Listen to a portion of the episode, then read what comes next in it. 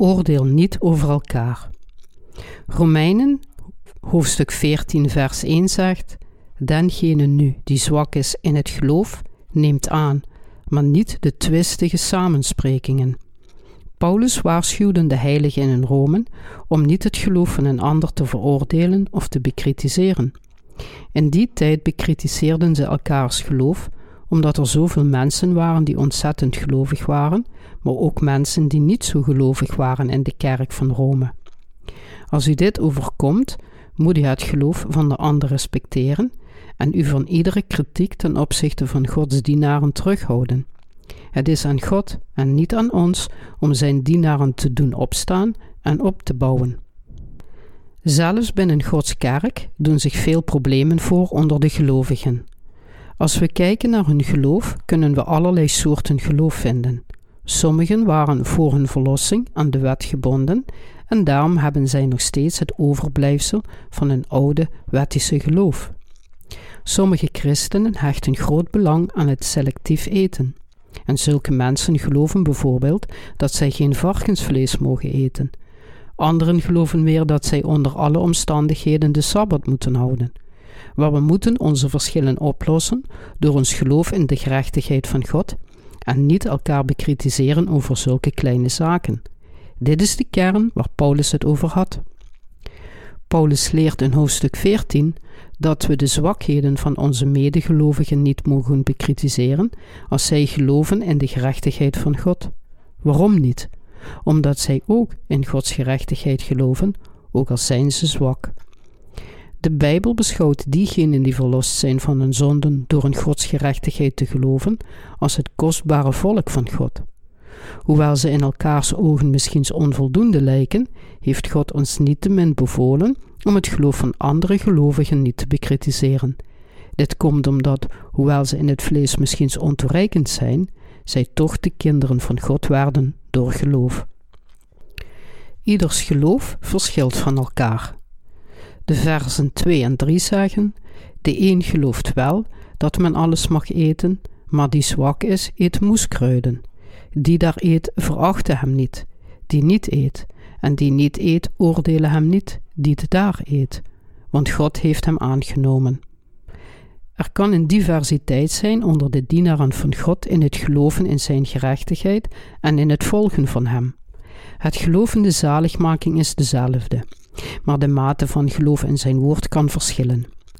Als iemand een legalist is geweest voordat hij of zij wedergeboren werd door het geloof in het evangelie van de gerechtigheid van God, zal hij of zij tijd nodig hebben om zijn of haar eigen gerechtigheid los te laten door volledig in Gods gerechtigheid te geloven. Deze mensen hebben de neiging om veel belang te hechten aan het houden van de Sabbat, maar u mag hen niet bekritiseren, omdat zij ook in Gods gerechtigheid geloven. God wordt behaagd door het geloof van diegenen die zijn gerechtigheid kennen en daarin geloven.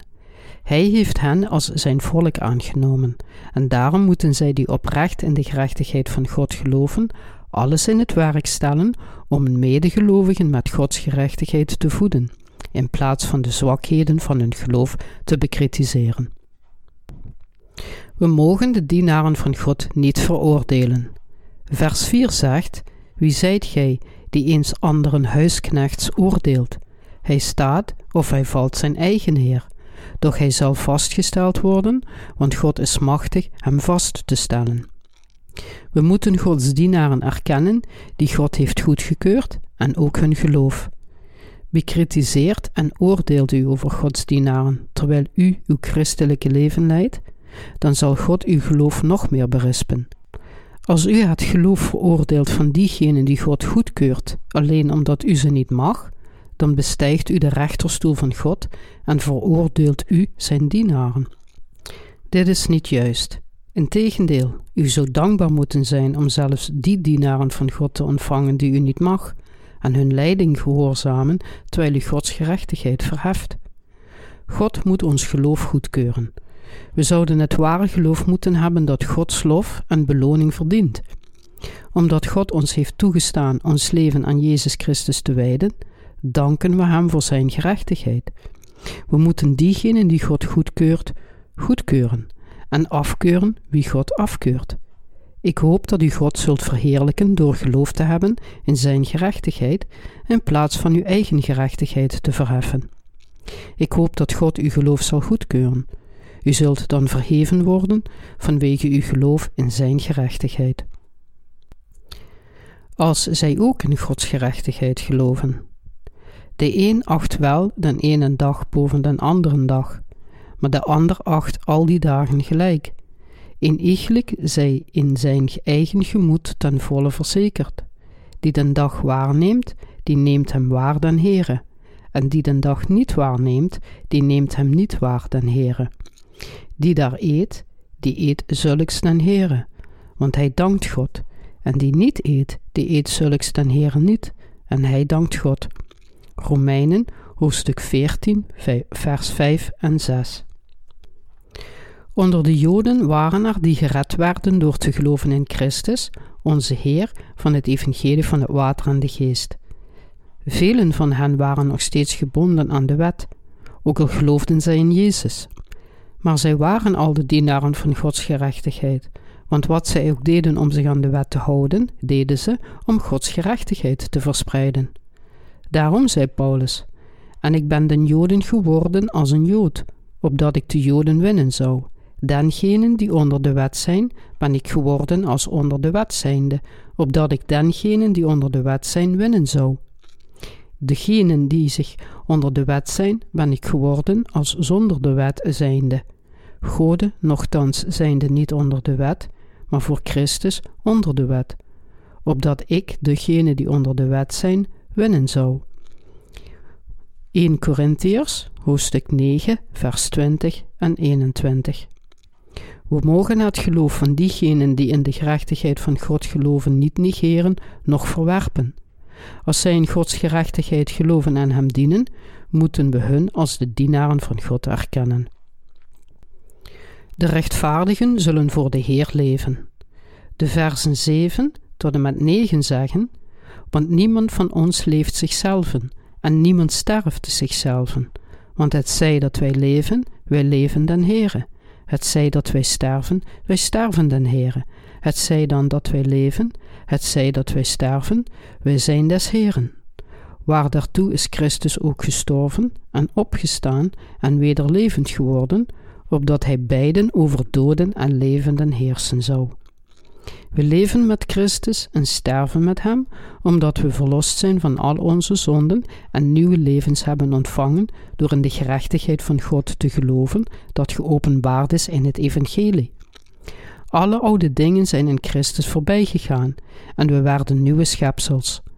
Om oprecht in Gods gerechtigheid te geloven betekent de waarheid kennen en erin te geloven dat u van Christus bent. Dus diegenen die in de gerechtigheid van God geloven, hebben niets meer met deze wereld te maken en zijn in plaats daarvan de dienaren van God geworden. Als u Gods dienaar bent, zult u Hem verheffen, Hem liefhebben, leven voor Zijn heerlijkheid en Hem dankbaar zijn dat u uw leven op deze manier mag leven. Behoort u werkelijk tot Christus? Zij die in het evangelie van het water en de geest geloven, zijn met Christus gekruisigd en zijn met Hem weer tot leven gebracht. Of we nu leven of sterven, we behoren Christus toe door Gods gerechtigheid. De Heer is de Heer van de verlosten geworden. We mogen onze medegelovigen niet veroordelen. Er staat geschreven in de versen 10 tot en met 12: Maar gij, wat oordeelt gij uw broeder? Of ook gij, wat veracht gij uw broeder? Want wij zullen allen voor den rechterstoel van Christus gesteld worden. Want er is geschreven: Ik leef, zegt de Heere. Voor mij zal alle knie buigen, en alle tong zal God beleiden. Zodan een iegelijk van ons zal voor zichzelf een godenregenschap geven. Omdat Christus onze God leeft, zullen we op een dag voor hem knielen en alles beleiden. We moeten daarom niet op de rechterstoel zitten en onze broeders en zusters veroordelen, maar met bescheidenheid voor God staan. Het is veel belangrijker om voor Gods wil te leven dan om elkaar te veroordelen en te oordelen in Zijn kerk. Als we de zwakheden van onze broeders en zusters oordelen en veroordelen, zullen we voor God veroordeeld worden voor onze eigen zwakheden. Daarom moeten we ons realiseren hoe goed het is om samen in Zijn kerk voor Gods wil te leven. Het ware geloof bouwt de medegelovigen op en streeft de gerechtigheid van God na. Onthoud dat een vals geloof Gods gerechtigheid zal verlaten en alleen zijn eigen gerechtigheid zal opbouwen. En hoe zit het met u? Streeft u met geloof naar Gods gerechtigheid? Of streeft u de gerechtigheid van uw eigen vlees na? We moeten het geloof van anderen opbouwen. De versen 13 en 14 zeggen: Laat ons dan elkander niet meer oordelen, maar oordeelt dit liever, namelijk dat gij den broeder geen aanstoot of ergernis geeft. Ik weet en ben verzekerd in den Heere Jezus dat geen ding onrein is in zichzelf, dan die acht iets onrein te zijn, dien is het onrein. Omdat verschillen zijn in de hoeveelheid geloof tussen diegenen die in de gerechtigheid van God geloven, moeten we eraan werken om elkaars geloof op te bouwen door elkaar op te bouwen. Dit brengt groei voor de gelovigen van Gods gerechtigheid. Als we echt voor God en Zijn gerechtigheid leven, zijn we allemaal Zijn volk.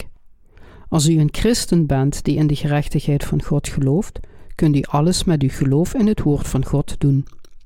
Als u dat niet kunt, dan is dat omdat u uw eigen gerechtigheid nastreeft in plaats van Gods gerechtigheid. Het nastreven van uw eigen gerechtigheid in de gerechtigheid van God is net als het nastreven van de wereld en het hebben van het verkeerde geloof. Zij die hun eigen gerechtigheid zoeken, hoewel ze gered zijn door een godsgerechtigheid te geloven, leven als Gods vijanden. God wil dat diegenen die gered zijn door in zijn gerechtigheid geloven, zijn gerechtigheid hun hele leven lang blijven volgen. In liefde lopen. De versen 15 tot en met 18 zeggen: Maar indien uw broeder om der spijzen wil bedroefd wordt, zo wandelt gij niet meer naar liefde. Verderf dient niet met uw spijzen, voor welken Christus gestorven is, dan dat uw goed niet gelasterd worden. Want het koninkrijk Gods is niet spijs en drank, maar rechtvaardigheid en vrede en blijdschap door den Heilige Geest. Want die Christus in deze dingen dient, is Gode welbehagelijk en aangenaam den mensen. Zij die gered zijn door een godsgerechtigheid te geloven en leven om het te verspreiden, verachten zijn mensen niet omwille van voedsel. We brengen soms voedsel mee om uit te delen hebben broederschap en liefde. Maar Paulus waarschuwt ons ervoor om de arme broeders en zusters niet uit te sluiten en alleen te delen met de rijken, omdat onze medechristenen daardoor zouden kunnen struikelen. De zegeningen die God heeft geschonken aan diegenen die in zijn gerechtigheid geloven, stellen ons in staat om Gods gerechtigheid te volgen, onze gemoedsrust gegeven door het evangelie van het water en de geest, om samen de Heer te dienen en te delen in elkaars vreugde die Hij heeft gegeven. Zij die rijk zijn, moeten zich daarom realiseren dat al hun rijkdom van God komt en dat ze deze met anderen die het evangelie dienen en Gods gerecht volgen, moeten delen. God is verheugd met en houdt van diegenen die zulke levens leiden. Probeer anderen op te bouwen. De versen 19 tot en met 21 zeggen: Zo dan laat ons najagen hetgeen tot den vrede en hetgeen tot de stichting onder elkander dient. Verbreek het werk van God niet om daar spijzen wil. Alle dingen zijn wel rein, maar het is kwaad den mens die het aan met aanstoot eet. Het is goed geen vlees te eten, noch wijn te drinken, noch iets waaraan uw broeder zich stoot, of geërgerd wordt, of waarin hij zwak is. Lang geleden verkochten mensen in oude steden, zoals Rome en Korinthe, voedsel die als offers aan hun idolen werden aangeboden. Sommige gelovigen in Gods gerechtigheid kochten zo'n vlees en aten het op. Toen dachten sommige medegelovigen, die een zwak geloof hadden in Gods kerk, dat het eten van dergelijk vlees zondig was. Daarom zei Paulus: Verbreek het werk van God niet om der spijzen wil. Vers 20. Hetzelfde geldt voor wijn. Er waren enkele gelovigen die zich zorgen maakten over het drinken. Maar Paulus vermaande dat als dergelijk gedrag het geloof van hun medegelovigen zou verzwakken, het goed voor hen zou zijn om ermee op te houden hun medegelovigen te beledigen met hun drinken. Dit gebeurt ook bij ons. Daarom moeten we ons christelijk leven leiden op een manier die anderen opbouwt en Gods gerechtigheid zoeken. Er kunnen tegenwoordig problemen ontstaan met veel vloedsel dat als offergaven aan de voorouders werden geofferd, en het is daarom beter dit soort voedsel niet te eten omwille van diegenen die een zwak geloof hebben. Heb geloof in Gods gerechtigheid. De versen 22 en 23 zeggen: Hebt gij geloof? Hebt dat bij uzelven voor God? Zalig is hij die zichzelf niet oordeelt in hetgeen hij voor een goed houdt maar die twijfelt, indien hij eet, is veroordeeld, omdat hij niet uit het geloof eet. En al wat uit het geloof niet is, dat is zonde. Zij die in de gerechtigheid van God geloven, zijn diegenen die het juiste geloof hebben. Het geloof in Gods gerechtigheid is het door God gegeven geloof dat alle zonden reinigt. Christenen moeten daarom in Gods gerechtigheid geloven en de overtuiging van hun geloof in Zijn gerechtigheid in hun hart hebben. De geschriften vertellen ons dat het volgen van God zonder in Zijn gerechtigheid te geloven een zonde is. Alles wat zonder geloof gedaan wordt, is een zonde. Wanneer we weten dat alles wat zonder geloof in Gods gerechtigheid doen een zonde is, moeten we meer geloof in Zijn gerechtigheid hebben. De Bijbel zegt: Maar die twijfelt indien hij eet, is veroordeeld. Alles is rein als u met geloof in Gods gerechtigheid eet, want God heeft elke plant en elk dier geschapen. We moeten begrijpen hoe belangrijk het voor ons is om Gods gerechtigheid te kennen en erin te geloven. We moeten ook onze mede wedergeboren gelovigen opbouwen en hun geloof respecteren.